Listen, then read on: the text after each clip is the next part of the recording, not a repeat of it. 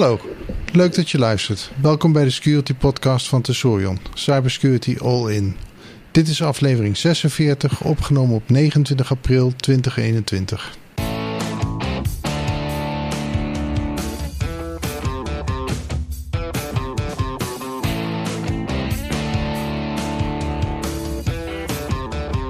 In deze aflevering bespreken we het recente security nieuws.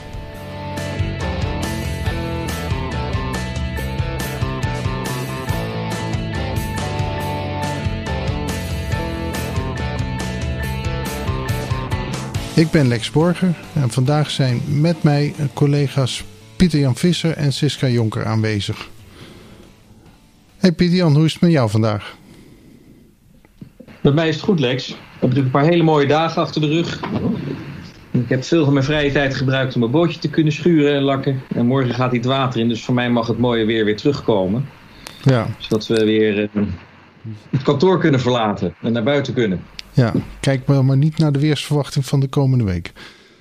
Dat doe ik ook niet. en Siska, hoe is het met jou? Het gaat prima met mij. En uh, het leuke vind ik, als we het dan toch ook een beetje privé trekken, dat uh, onze zoon, uh, ga ik dit weekend verhuizen naar Nijmegen, die gaat maandag beginnen met zijn nieuwe baan. Na zijn hele PhD-fase. Dus helemaal blij. Dus het is niet Groningen geworden. Ja, hij is toch blij, hoor ik. Ja, hij is hartstikke blij. Nou, goed ja. zo. Nou, dan beginnen we met de... de... Nee, hoe gaat het met jou dan? Me, ah, dankjewel Pieter Jan. en met mij gaat het prima. Het, het, zijn, uh, het zijn een paar mooie dagen geweest. We hebben een fantastische Koningsdag achter de rug. En ja, ik heb vanuit mijn nieuwe woonplaats daar een prachtig perspectief uh, op kunnen krijgen. Laten we het uh, daarop houden. Dat is goed. En dan gaan we gewoon de vijf onderwerpen die ik vanavond verzameld heb even langs. En ik begin eigenlijk met een droevig bericht. Het is altijd, als je veel in de cybersecurity wereld werkt, dan zijn er bepaalde mensen waarvan je continu denkt van, hé, hey, die, die geven je nieuwe dingen aan, die, die brengen je tot compleet nieuwe inzichten. En Den Kaminski was zo'n persoon. Hij is ook veel te jong overleden, want ik heb uh, vorige week bereikte mij bericht dat hij op 42-jarige leeftijd aan diabetes overleden is. En ja, dat, dat is gewoon heel triest. Deze man was echt nog niet klaar met zijn leven.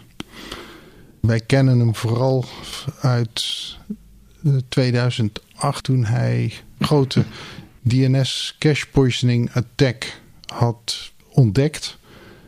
En dat die aanval die die kon niet gepatcht worden. Want op het moment, je moest eigenlijk het hele systeem patchen. Hè? Iedereen die DNS gebruikte moest tegelijkertijd een patch uitbrengen. En hoe ga je dat nou regisseren? Nou, hij heeft het voor elkaar gekregen. Hij heeft vijf maanden lang in het geheim met allerlei leveranciers zitten praten. Heeft gezorgd dat iedereen uh, zijn patches voorbereidde, dat er getest kon worden dat hier dus niet een uitlek zou zijn naar de criminele toestanden. Want dat ze had gewoon op dat moment de, de wereld in een chaos gedompeld. Ja, hij was funest geweest, hè? Ja. En dat is allemaal goed gegaan, ook door zijn, niet alleen zijn technische talent dat hij het ontdekt had. Hij realiseerde zich heel goed dat ja, als je dit niet op een goede manier in regie zou aanpakken en patchen, dan zou dat ook verkeerd lopen. Nou, wat ik wel bijzonder vind, is het wel, het is wel een mooi voorbeeld van een echte whitehead hacker. Ja. Waarbij je de ontdekkingen die je doet, dus niet zelf ten gelde probeert te maken, maar dat je iets goeds probeert te doen wat goed is voor de wereld. En dat vind ik wel uitermate zuiver en zeer bewonderenswaardig. Het zijn de sterke benen die de werelden van het geld kunnen dragen en hij kon dat kennelijk. Ja, hij was, had ook uh, een paar jaar geleden nog een uh, bedrijf mede opgericht. En dat heet vandaag de dag Human. En dat gaat inderdaad ook om te kunnen detecteren dat een human bezig is en niet een cyberrobot die aan het aanvallen is. Ja, wat leuk. Dat is uh, heel actueel. Ja, dat is ontzettend actueel. En wanneer bestaat dat bedrijf? Human is volgens mij vier jaar geleden opgericht. Oh, dus het is ook inderdaad. Uh, hij was niet zijn tijd op dat gebied ook al heel ver vooruit.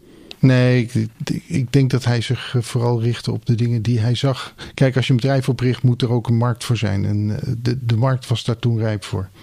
Ja, ik heb natuurlijk ook collega's die, uh, waar ik nu al een jaar mee samenwerk, maar die ik nog nooit in het echt heb gezien. En wij vragen elkaar, van elkaar ook wel eens af of we nou, uh, of we nou echt zijn of niet. ja, dat klopt. Dat is, uh, zou wat zijn zeg. Ik heb nog steeds uh, één gewaardeerde collega waar, we, waar ik zelfs een podcast mee gedaan heb. Robin van Sambeek. En die heb ik ja. inderdaad nog nooit in de real life ontmoet. Nee. Ik denk dat, ik ook uh, niet. Hetzelfde heb ik bij klanten. Dat je uh, bij een nieuwe klant ben ik bezig. En nooit op locatie geweest. Nee, je vormt je toch een beeld op basis van de mensen die je spreekt. En, en uh, de achtergrondjes die je soms ziet. De kantoorruimtes. Ja. Ik uh, was erg verbaasd op een gegeven moment. Uh, we hadden we sprak ik met iemand. Zei, we zullen anders een keer op kantoor afspreken om elkaar te ontmoeten. Lijkt me een goed plan, laten we dat doen. Toen zei hij tegen me, maar het is wel, uh, het is wel een eindje rijden voor jou, want het is in Eindhoven en ik zit natuurlijk in de, in de buurt van Den Haag. En toen dacht ik van ja, dat, dat hele aspect heb ik in mijn beeld van het bedrijf niet eens meegerekend. Ik, ik had een beeld gemaakt van dat bedrijf, maar zonder daar enige geografische locatie bij. Dat is echt heel raar. Ja. Ja, ik vind het wel jammer dat we momenteel niet zoveel afspreken op kantoor. Want ik heb momenteel een klant waarmee ik bezig ben. Die zit in het buitenland. En dat is op een plek waarvan ik denk, nou, dat wil ik best wel even bezoeken. ja, ja, ja, ja. Bovendien, ik ben er nog nooit geweest. En dat zou een mooie gelegenheid zijn om er naartoe te gaan. En verder zegt niks. Nee, maar ik denk dat het nog wel een tijdje duurt voordat we op die grote schaal uh, weer kunnen reizen als dat. Maar daarmee wordt wel natuurlijk um, het ondernemen kwamen we hierop vanwege uh, de detectie van deepfakes. Ja. ja. Dat is natuurlijk wel heel actueel. Ja. Dat, dat maakt dat mee heel actueel. Want ja, hoe weet je nou precies met wie je praat? Sowieso vind ik dat al een lastig ding hoor. Je belt met klanten en je hebt het over vertrouwelijke onderwerpen. Het gaat over informatiebeveiliging. Uh, maar het voelt toch raar, zeker als mensen hun camera niet aanzetten, bijvoorbeeld. En als ze hem wel aanzetten, ja, dan weet je nog steeds niet of dat degene is die zegt dat het, dat die is. Dus ik ben benieuwd of daar ook al misbruik van gemaakt is. Hoogheid. Ik... Nee, dat past. Ja. Maar ik wilde van Denkeminski overstappen op een andere grote security guru. Uh, dat is uh, Moxie Marlinspike. En dat is een, ook een ontdekker van uh, behoorlijk wat uh, kwetsbaarheden in uh, bijvoorbeeld TLS. En die heeft ook zijn eigen bedrijfje. Wat behoorlijk bekend is, denk ik. hij is de CEO van Signal. Oké. Okay. En hij heeft dat dus ook gewoon zelf ontwikkeld. De kracht van Signal is dat het dus echt compleet veilig en privacy technisch ook uh, veilig chatten is. En hoe dat allemaal werkt, dat heeft hij allemaal verzonnen met zijn kennis van de cryptografie. Hij heeft natuurlijk ook last van uh, bepaalde mensen die proberen om in Signal in te breken of meer inzicht te geven in Signal. Hè. E een van de dingen die je kunt voorstellen is dat criminelen ook graag uh, in Signal met elkaar praten je hebt dan ook een ander bedrijf, dat is Celebrite. Een Israëlisch bedrijf wat aan de politieinstanties, of eigenlijk aan alle opsporingsinstanties, uh, apparatuur levert om bijvoorbeeld iPhones en Android-telefoons helemaal leeg te zuigen. Als jij dus een iPhone hebt, ook al is die op slot, dan weten ze daarin binnen te komen en kun je hem helemaal een forensische kopie van maken waar je vervolgens op los kunt laten. En wat ze nu toegevoegd hebben recentelijk was dat ze ook een analysemodule van al het uh, signaldata die op de telefoon staat meeleveren. Dus dat was voor Moxie een uitdaging om te gaan kijken van kan ik iets met die software van uh, Celebrite doen. Maar ja, die is niet zomaar te koop. En dat vond ik het leuke van zijn blog-entry.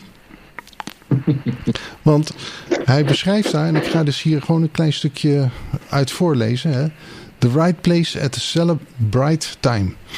By a truly unbelievable coincidence, I was recently out for a walk when I saw a small package fall off a truck ahead of me.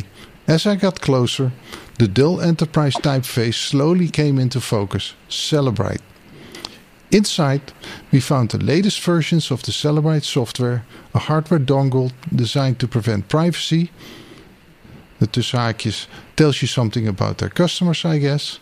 En a bizarre large number of cable adapters. En dat stukje vond ik gewoon briljant.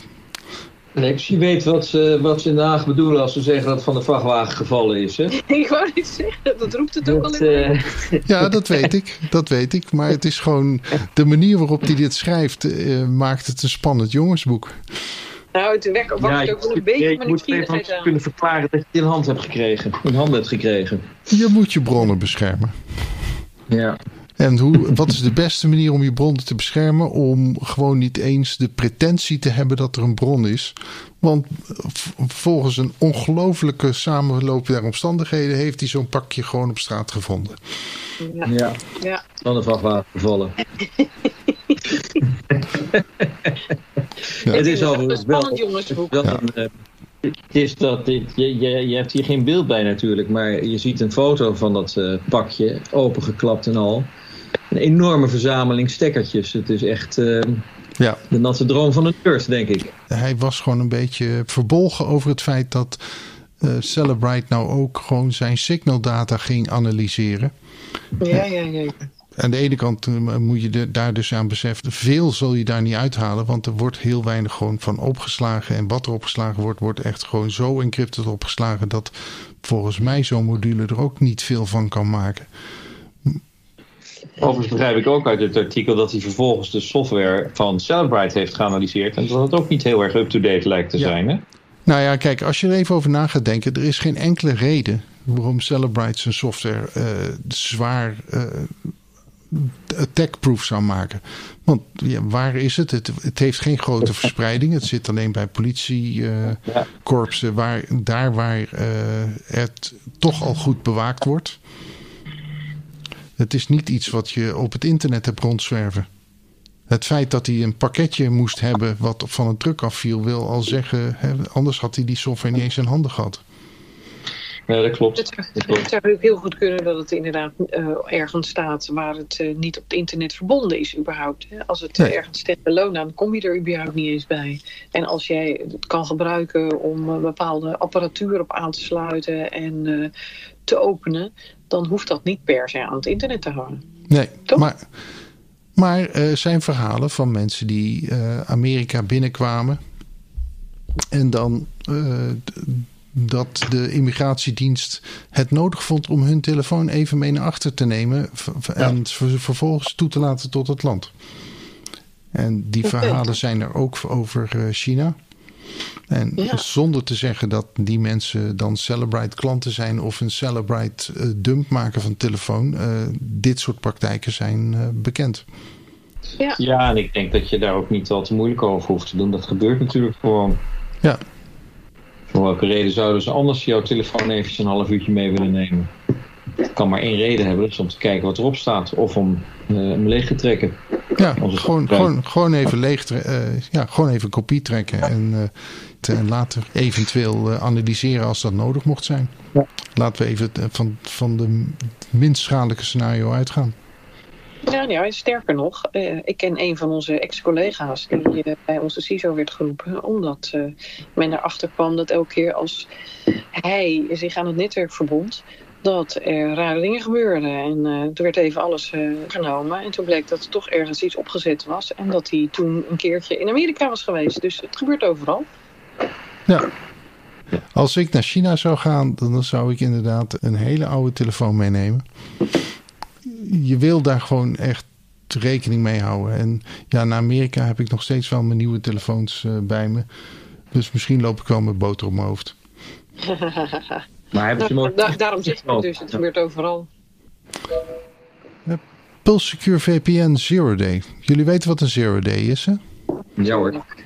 En wat ik hieraan vallend vond, was dat het NCSC eh, is niet scheutig met zijn waarschuwingen, maar NCSC had wel een waarschuwing. Hè. Pulse Secure heeft dinsdag 20 april melding gemaakt van actief misbruik van een ernstige kwetsbaarheid in de Pulse Connect Secure Appliance.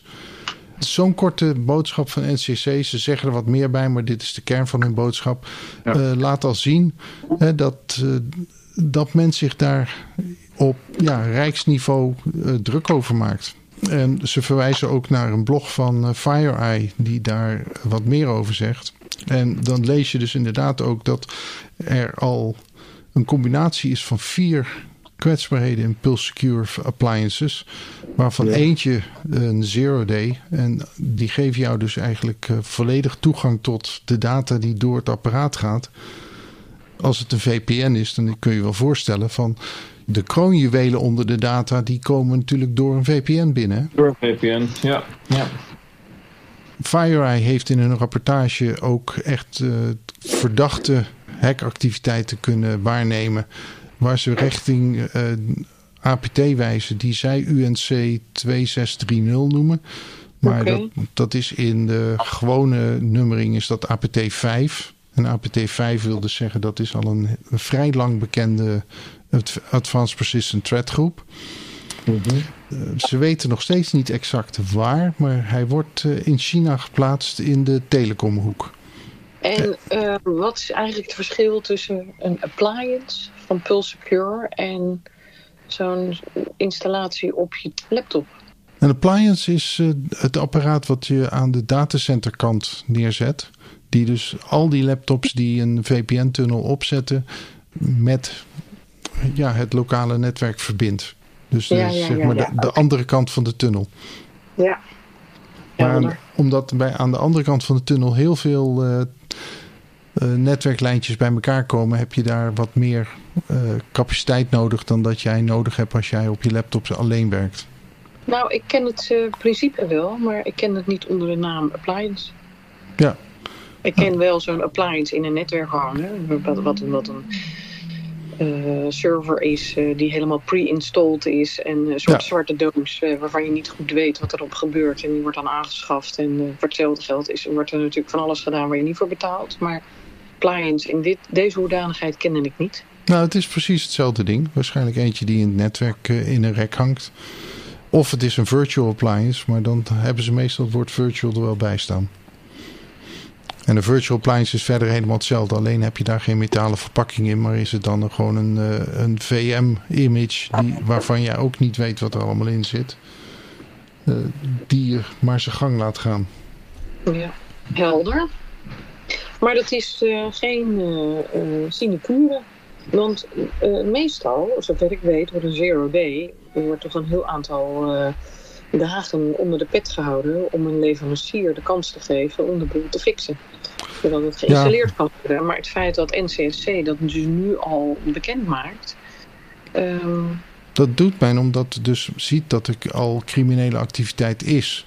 He, dus die, dat stilhouden doe je om de criminelen niet wakker te schudden. Maar als je al ziet dat het in hun handen is, dan, uh, dan moet je iedereen die zo'n ding heeft uh, wel even wakker maken van uh, luister, je hebt nou iets mogelijkerwijs aan het internet hangen wat zomaar aangevallen zou kunnen worden. Ja, dus of je kiest ervoor om nu niet meer vanaf thuis te kunnen werken met Pulsecure. Nou ja, prettige wedstrijd in coronatijd. Ja. En, uh, of uh, je hoopt natuurlijk dat uh, Pulsecure zo snel mogelijk met een update komt. En de vraag is dus even, heeft, hebben zij al gereageerd? ik las de tweede week van mei verwachten ze een patch. Oké, okay. oké. Okay. Kijk, weet ja, jij of dit een, of dit een verband houdt met een probleempje wat ze een week eerder hadden met een verlopen certificaat? Of een bug, moet ik zeggen, in de certificaatverificatie? Uh, is dat, was, dat was een week daarvoor. Uh, dat is, dat is mogelijkerwijs dezelfde uh, kwetsbaarheid. Ik heb hem alleen even niet zo 1, 2, 3 gekoppeld.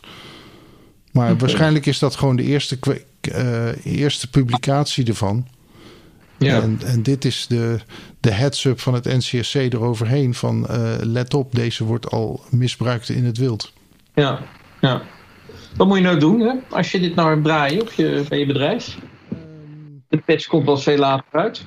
Er worden door uh, FireEye wat aanbevelingen gedaan. Ik heb die niet in detail doorgelezen, omdat ik de appliance zelf helemaal niet ken. Dus ik dacht van dat is, uh, dat is niet nodig. Als je beheerder bent van zo'n appliance, zou ik dat wel degelijk doorlezen. En ik weet niet wat voor opties er staan.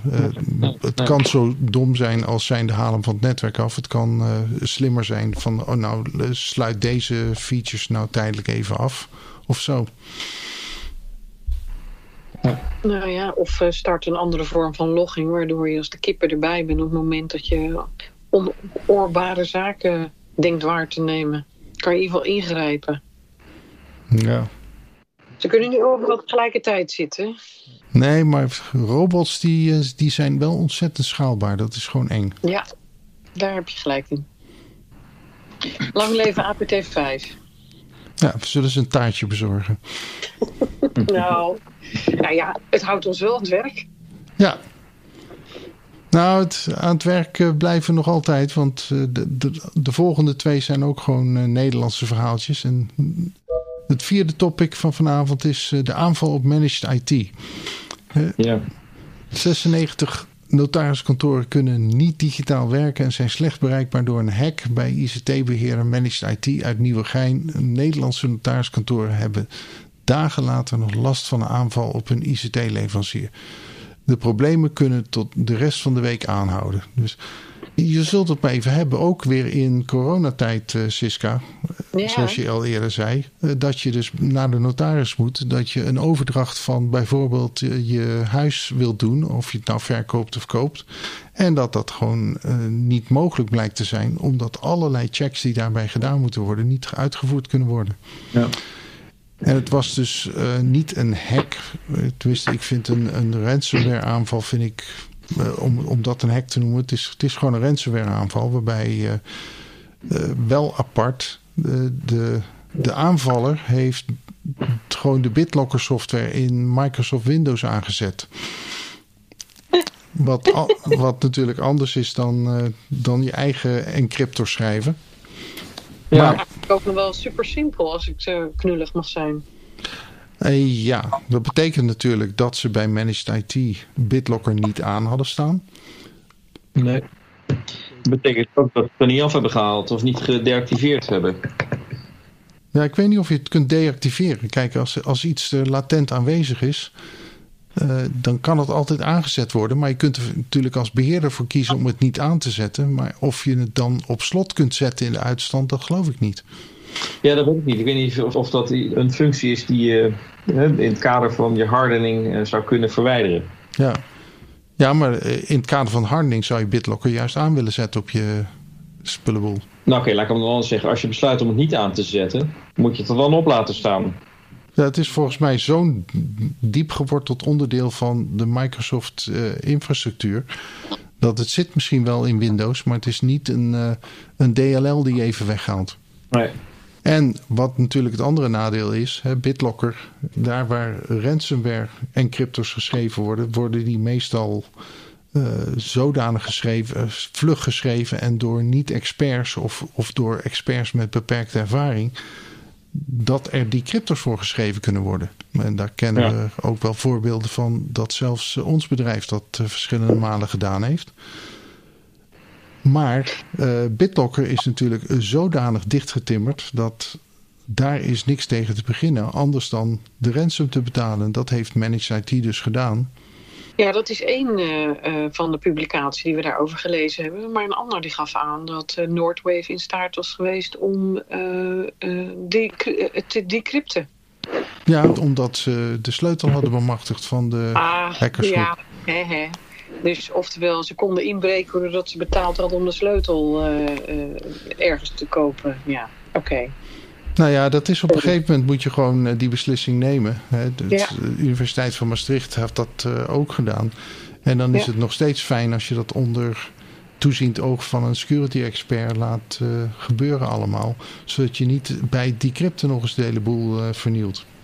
Ja, oké. Okay. Nou, nee, ik had heel veel bewondering en uh, ik heb nog steeds bewondering, maar het is wel van een andere orde nu. ik heb ook dat uh, online uh, backups ook encrypted waren. Helaas. Oh, dan zat het er al een tijdje op. Pleit toch wel weer voor offline backups. Nou, offline backups en, en of je precies wat, wat, je, wat Siska net zei, het kan er ook al een tijdje op zitten. Als je weet wat de backup cyclus is en je weet dat die 30 dagen is dan kun je gewoon uh, als aanvaller 30 dagen in stilte zitten. Uh, ja. Word je niet gevonden in die tijd, dan, uh, dan weet je dus dat... Volgens mij als je een offline backup maakt, dan maak je een kopie van je productieomgeving. Als die productieomgeving niet encrypted is, dan is die backup ook niet encrypted op die ja. tape.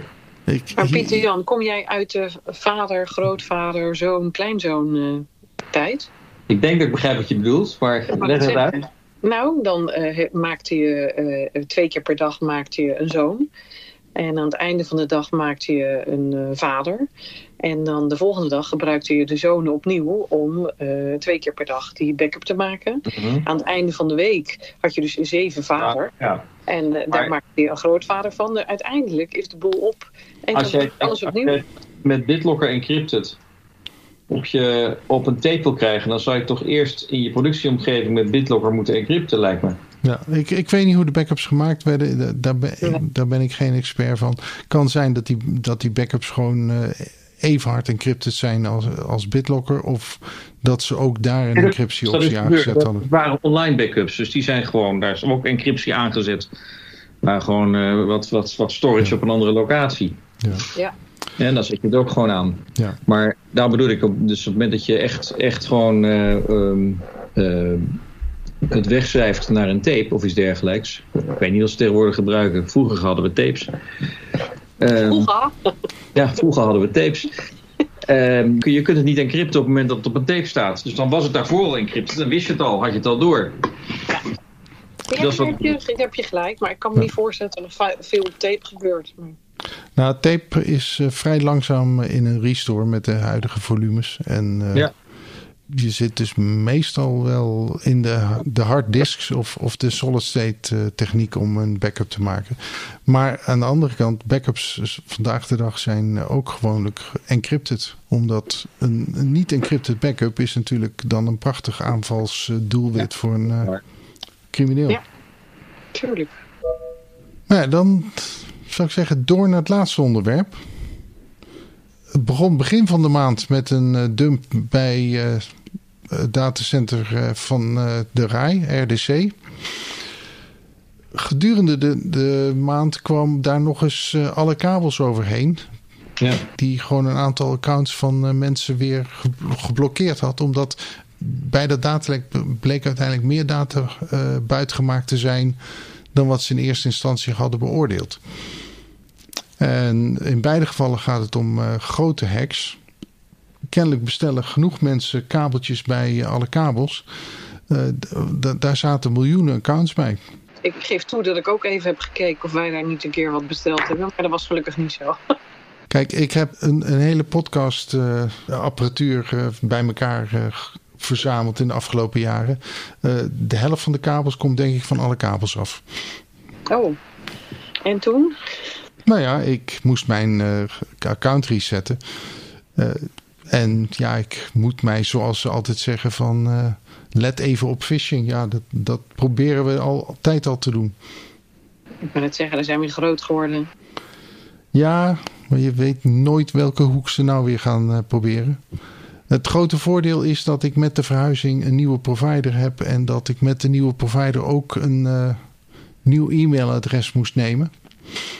En dus ik heb een oud e-mailadres wat heel langzaam uitsterft.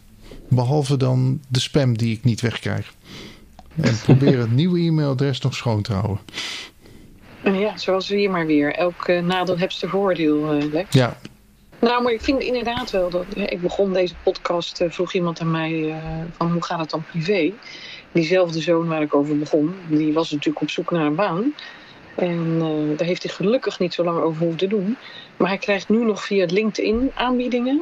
Of hij voor een godsvermogen even zijn naam achter wil laten. Want dat ze een heel mooi aanbod voor hem hebben om te komen werken. Maar hij moet wel even alle details afgeven. ja. ja hij is al- gelukkig niet register, maar Als je van vooraf iets moet betalen wat eh, pijn doet, terwijl ze je gouden bergen achteraf beloven, dan. eh, Nee, hoeft er niks te betalen. Nee, hoeft er nee, niks maar te betalen. eh, meer. Hij je- betaalde het dus met zijn gegevens. je moet Ja. betalen met je ge- privacygegevens, dat is ook ja, hij betaalde met zijn gegevens, ja. Fascinerend, hè? Maar dan Ja. weten ze dus, eh, dat je op zoek bent naar een baan. En Joost mag weten hoe ze dat weten. En dan vervolgens eh 1, 2 huppeta. Nou ja, Er ik, geen bedrijf bij. Maar of je even je gegevens af wilde geven... want dan krijg je daarna een prachtig aanbod. Nou ja, eh, ik denk dat als ik eh, in de markt zou zijn voor een baan, dat ik dat, ik dat levensgroot op mijn eh, LinkedIn-profiel zou zetten. Want dat is wel de manier om in de, in de kijker te komen. Ja, dat klopt. Nou ja, hij had het natuurlijk al heel snel, dus ja, dat was allemaal al weg. Hij heeft ook nooit uh, het uh, niveau van, joh, ik ben zoekende naar een baan. Ja. Dat is... Uh... Ik begreep dat de gegevens die uiteindelijk gelekt zijn bij alle kabels... gaat voornamelijk om naam, adresgegevens en soms met een bankrekeningnummer erbij, een IBAN. Een beperkte groep.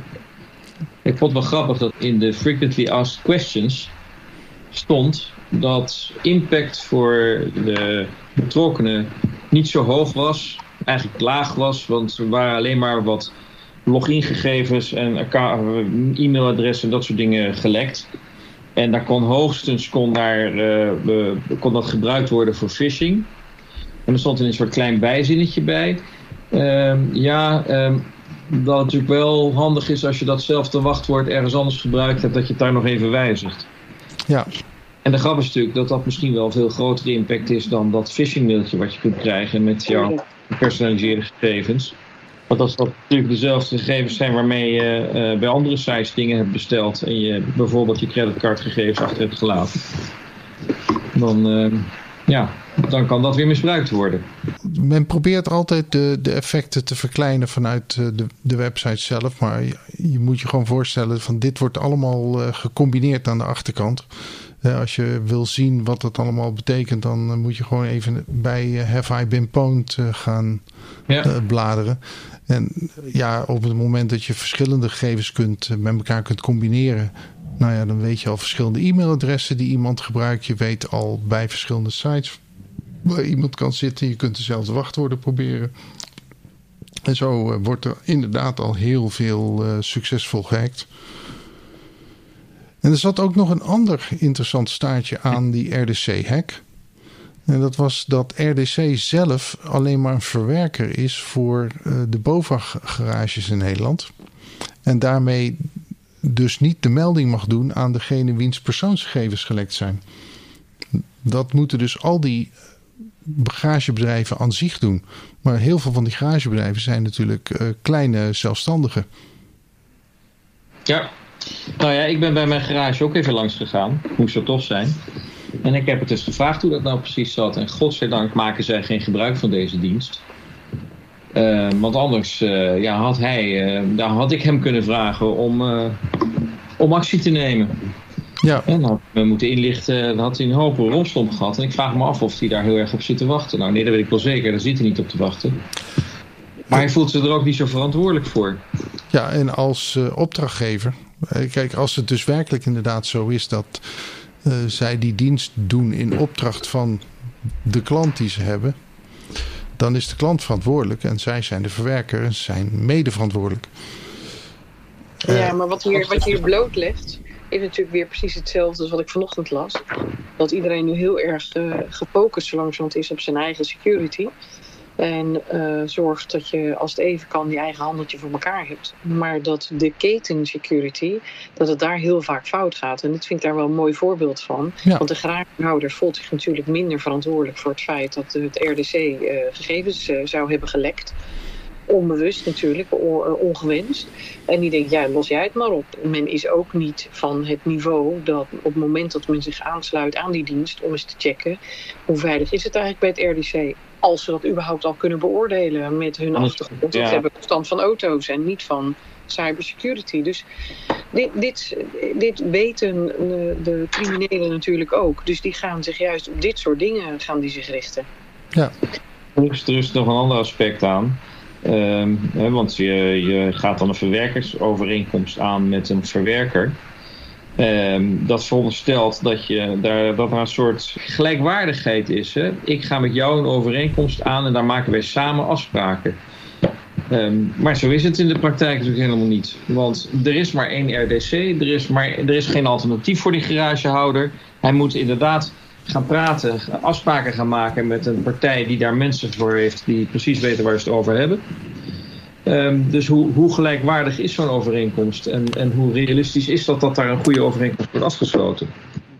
Het is totaal niet gelijkwaardig. De RDC is hier de grote partij die dicteert hoe die dienst eruit ziet. En het is voor jou als uh, garagehouder uh, slikken of stikken. Uh, dat is denk ik ook iets waar we op beducht moeten gaan zijn, kennelijk. dat als er zo'n hek is, je kunt het nooit uitsluiten, dan zou toch op een of andere manier een verplichting moeten kunnen worden vastgesteld dat RDC die informering gaat doen. Misschien met toestemming van de garagehouder of zo. Maar je kunt niet van die garagehouders verwachten dat ze dit proces op orde hebben. Uh, aan de andere kant, misschien moeten we dat wel verwachten. Maar dan dan is er natuurlijk een heel groot stuk van ondernemend Nederland. Wat... Nou ja, kijk, die ongelijkheid die kom ik wel vaker tegen hoor. Ook, ook gewoon in mijn werk. Dat je, als je bezig bent bij, uh, bij klanten om bijvoorbeeld verwerkersovereenkomsten voor hun af te sluiten. Dan, uh, dan kom je geregeld tegen, bedrijven tegen die zeggen: Ja, weet je, die verwerkersovereenkomsten van jullie, die gebruiken wij niet. We hebben er zelf eentje. Kijk, dit is onze verwerkersovereenkomst en daar mag je handtekening onder zetten. Ja. En dat zijn niet alleen de, de, de grote internationale, internationale bedrijven, maar dat zijn ook gewoon de, in de zorg zijn er zo'n paar van die grote spelers die uh, toch wel voor van, van uh, uh, hoe zeg je dat? nou ja, die kunnen, die kunnen dat gewoon afdwingen. Ja, ja die kunnen dat permitteren. Ja. Ja, en dat krijg je dus in een veld waarbij je veel kleine zelfstandigen hebt die eigenlijk allemaal hetzelfde doen, maar, maar over het hele land in kleine ondernemingjes verspreid zitten. En de, de grote dienstverleners, één, twee of drie, die maken dan de dienst uit. Ja. En dat hoeft zelfs niet eens met kleine bedrijven zo te zijn. Want ik kan mij in een recent verleden ook iets herinneren dat ik voor een groot bedrijf naar de overeenkomst moest kijken met eh, de Apple App Store. En ook daar kwamen de juristen van dat bedrijf uh, aan met. Uh, ja, wij zouden graag deze dingen aangepast zien in, uh, in dat contract met de App Store. Ik zei: Wil je een app hebben of niet? Ja, we willen een app hebben, maar wel met deze aanpassing. Wil je een app hebben of niet? Want die aanpassingen krijg je niet. Dus je hebt te slikken of te stikken. Maar goed, wat zou een garagebedrijf nou kunnen doen? Hè? Zouden ze moeten verenigen? Zouden ze dat in een, in een soort... Uh... Ik zou hopen dat de BOVAG zich daar voor hun druk over maakt. Want dat is feitelijk hun beroepsvereniging waar zij van, van, zouden mogen verwachten misschien wel. Ja, dat ik, zij daar druk over maken. Ja, ik zou verwachten dat er ergens een grote partij is, zoals de BOVAG of RDC zelf misschien, die uit coulance gewoon eh, zegt van nou wij, wij gaan dit mogelijk maken voor jou. Ja, maar ja, RDC, die, dat is degene die onbewust, ga ik even vanuit, het probleem uh, mede heeft veroorzaakt. En uh, het vereist een groot hart dat zij ook gelijktijdig alle kosten op zich nemen en alles oplossen en alles. En zo zou het misschien wel ethisch moeten zijn. Uh, ik ben het echter nog zelden tegengekomen in praktijk. Nee, dat klopt. Maar je mag altijd dromen, toch? Ja, nou, daar leven we van, toch? Ja, we zijn weer door de onderwerpen heen. Hebben jullie nog dingen die je wil melden vanavond? Nou ja, wat, wat, we hebben het wel vandaag al eerder over gehad. Wat mij wel opvalt, is dat we de laatste tijd ook steeds meer lezen over uh, datascraping. Dat zijn geen echte dataleks. Er is niet voor gehackt. Er heeft niemand een verkeerd document in het park laten liggen op een bankje. Maar dat is software die sites afstruinen en, en daar gegevens van afhaalt. En dat is, dat is recentelijk bij LinkedIn gebeurd. Dat is bij uh, Facebook gebeurd. En ik vind dat eigenlijk ook nog best wel een verontrustende ontwikkeling. Vooral ook omdat het me lijkt dat je daar zo moeilijk tegen kunt uh, verweren. Ja, en bij Facebook, als ik me goed herinner, was het daar ook... Uh, nog wel met gebruikmaking van een kwetsbaarheid, waardoor je ook veel meer dan alleen de gegevens van vrienden kon zien, maar van mensen die een bepaald soort instelling hadden, kon je allemaal uh, afschapen. Ja. En LinkedIn, ja, weet ik het even niet. Maar ja, als jij een betaalde LinkedIn-dienst afneemt, dan, dan kun je al zo ontzettend veel gegevens inzien. Ja, de, de vraag is van wat als je dat uh, robottechnisch gewoon allemaal gaat aflopen en opslaan en, en categoriseren, ja. Nou ja, en als je er dus een beetje op gaat zoeken, dan zie je ook dat er best veel bedrijven zijn die dit gewoon aanbieden. En daar wordt toch wel op de rand van wat uh, wel en niet kan geopereerd, denk ik. Nou, dus, ja, AVG-technisch kan dit volgens mij niet. Als je het op die schaal doet, ben je bezig met het verwerken van persoonsgegevens. Ja. En daar heb je geen uh, toestemming voor, daar heb je geen, uh, hoe heet dat, rechtsmatig... Nee, dat klopt. En dat, is, dat, en dat is dan nog relevant als je een Europees bedrijf bent die dat doet. Maar als je dat van uit buiten de EU-economische zone doet, dan de EC... Er was ook een Amerikaans eh, bedrijf wat aan politiediensten ook zoiets aanbood. Van je kon zoeken in een grote database van alle social media gegevens. Ja. ja, ik vind het allemaal niet charmant hoor, maar wat doe je er tegen? Nee, het betekent dat je feitelijk toch weer terug moet naar de ethische kant van werken, van samenleven, van uh, eigenlijk een cultuur, om het maar zo te zeggen. En kennelijk hebben we met z'n allen toch langzamerhand onze normen zo veranderd dat we op het randje opereren, dus kennelijk maar goed vinden en dat we daar niet hoog voor ten strijde gaan. als uh, er op het Malieveld uh, wordt geprotesteerd door boeren of uh, Black Lives Matters of nou, noem een protestorganisatie. Dan, waar ik niets tegen heb, sterker nog, ik denk dat ik vele protesten een warm hart kan dragen. Minder in coronatijd trouwens, maar dat heeft puur te maken met corona. Je gaat tegen online criminaliteit wordt er eigenlijk zelden ten strijde getrokken. Het zijn altijd fysieke dingen waar tegen ten strijde wordt getrokken. En ergens verwacht je dat er vroeg of laat toch eens een keer wat gaat ontstaan... waarbij dit soort digitale randenloperij of uh, cultuur zou niet meer moeten mogen dat dat ook ergens op een gegeven moment opstart. Maar ik zie er nog weinig initiatief voor. En ik weet ook niet hoe lang dat nog gaat duren en of dat überhaupt wel eens ooit gaat gebeuren.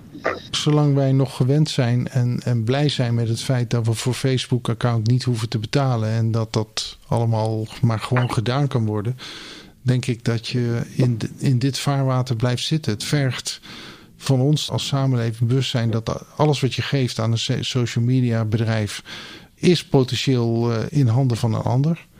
Ja. Dus minimaliseer wat je deelt. Wees je bewust van de instellingen. En misschien ga over op een betaalde dienst. En dat is lang niet bij alles een uh, alternatief.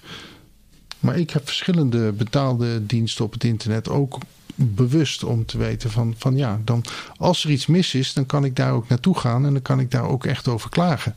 Ja. Nou ja, het is niet zo dat op het moment dat je ergens voor betaalt, dat je zeker weet wat beter is.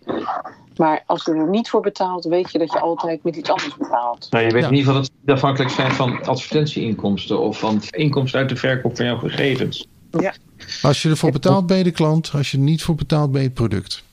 Ja, nou, dat vind ik een mooie afsluiting. nou, dan gaan we ook afsluiten. Deze podcast zit er weer op. Als eerste wil ik graag jou, de luisteraar, bedanken dat je de podcast beluisterd hebt. Mocht je willen reageren naar aanleiding van deze aflevering, stuur ons dan een bericht. Mijn e-mailadres is lex.borger.tesorion.nl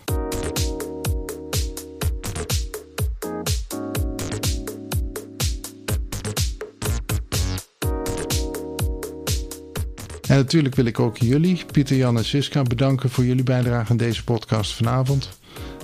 Wij zijn werkzaam bij Tesorion. Onze website is www.tesorion.nl. Deze podcast komt maandelijks uit. Afleveringen zijn te vinden in je favoriete podcastplayer en op de Tesorion website. Je kunt je abonneren op de podcast in je favoriete podcastplayer. Als je daar bent, geef ons ook een waardering en een beoordeling. Dank je.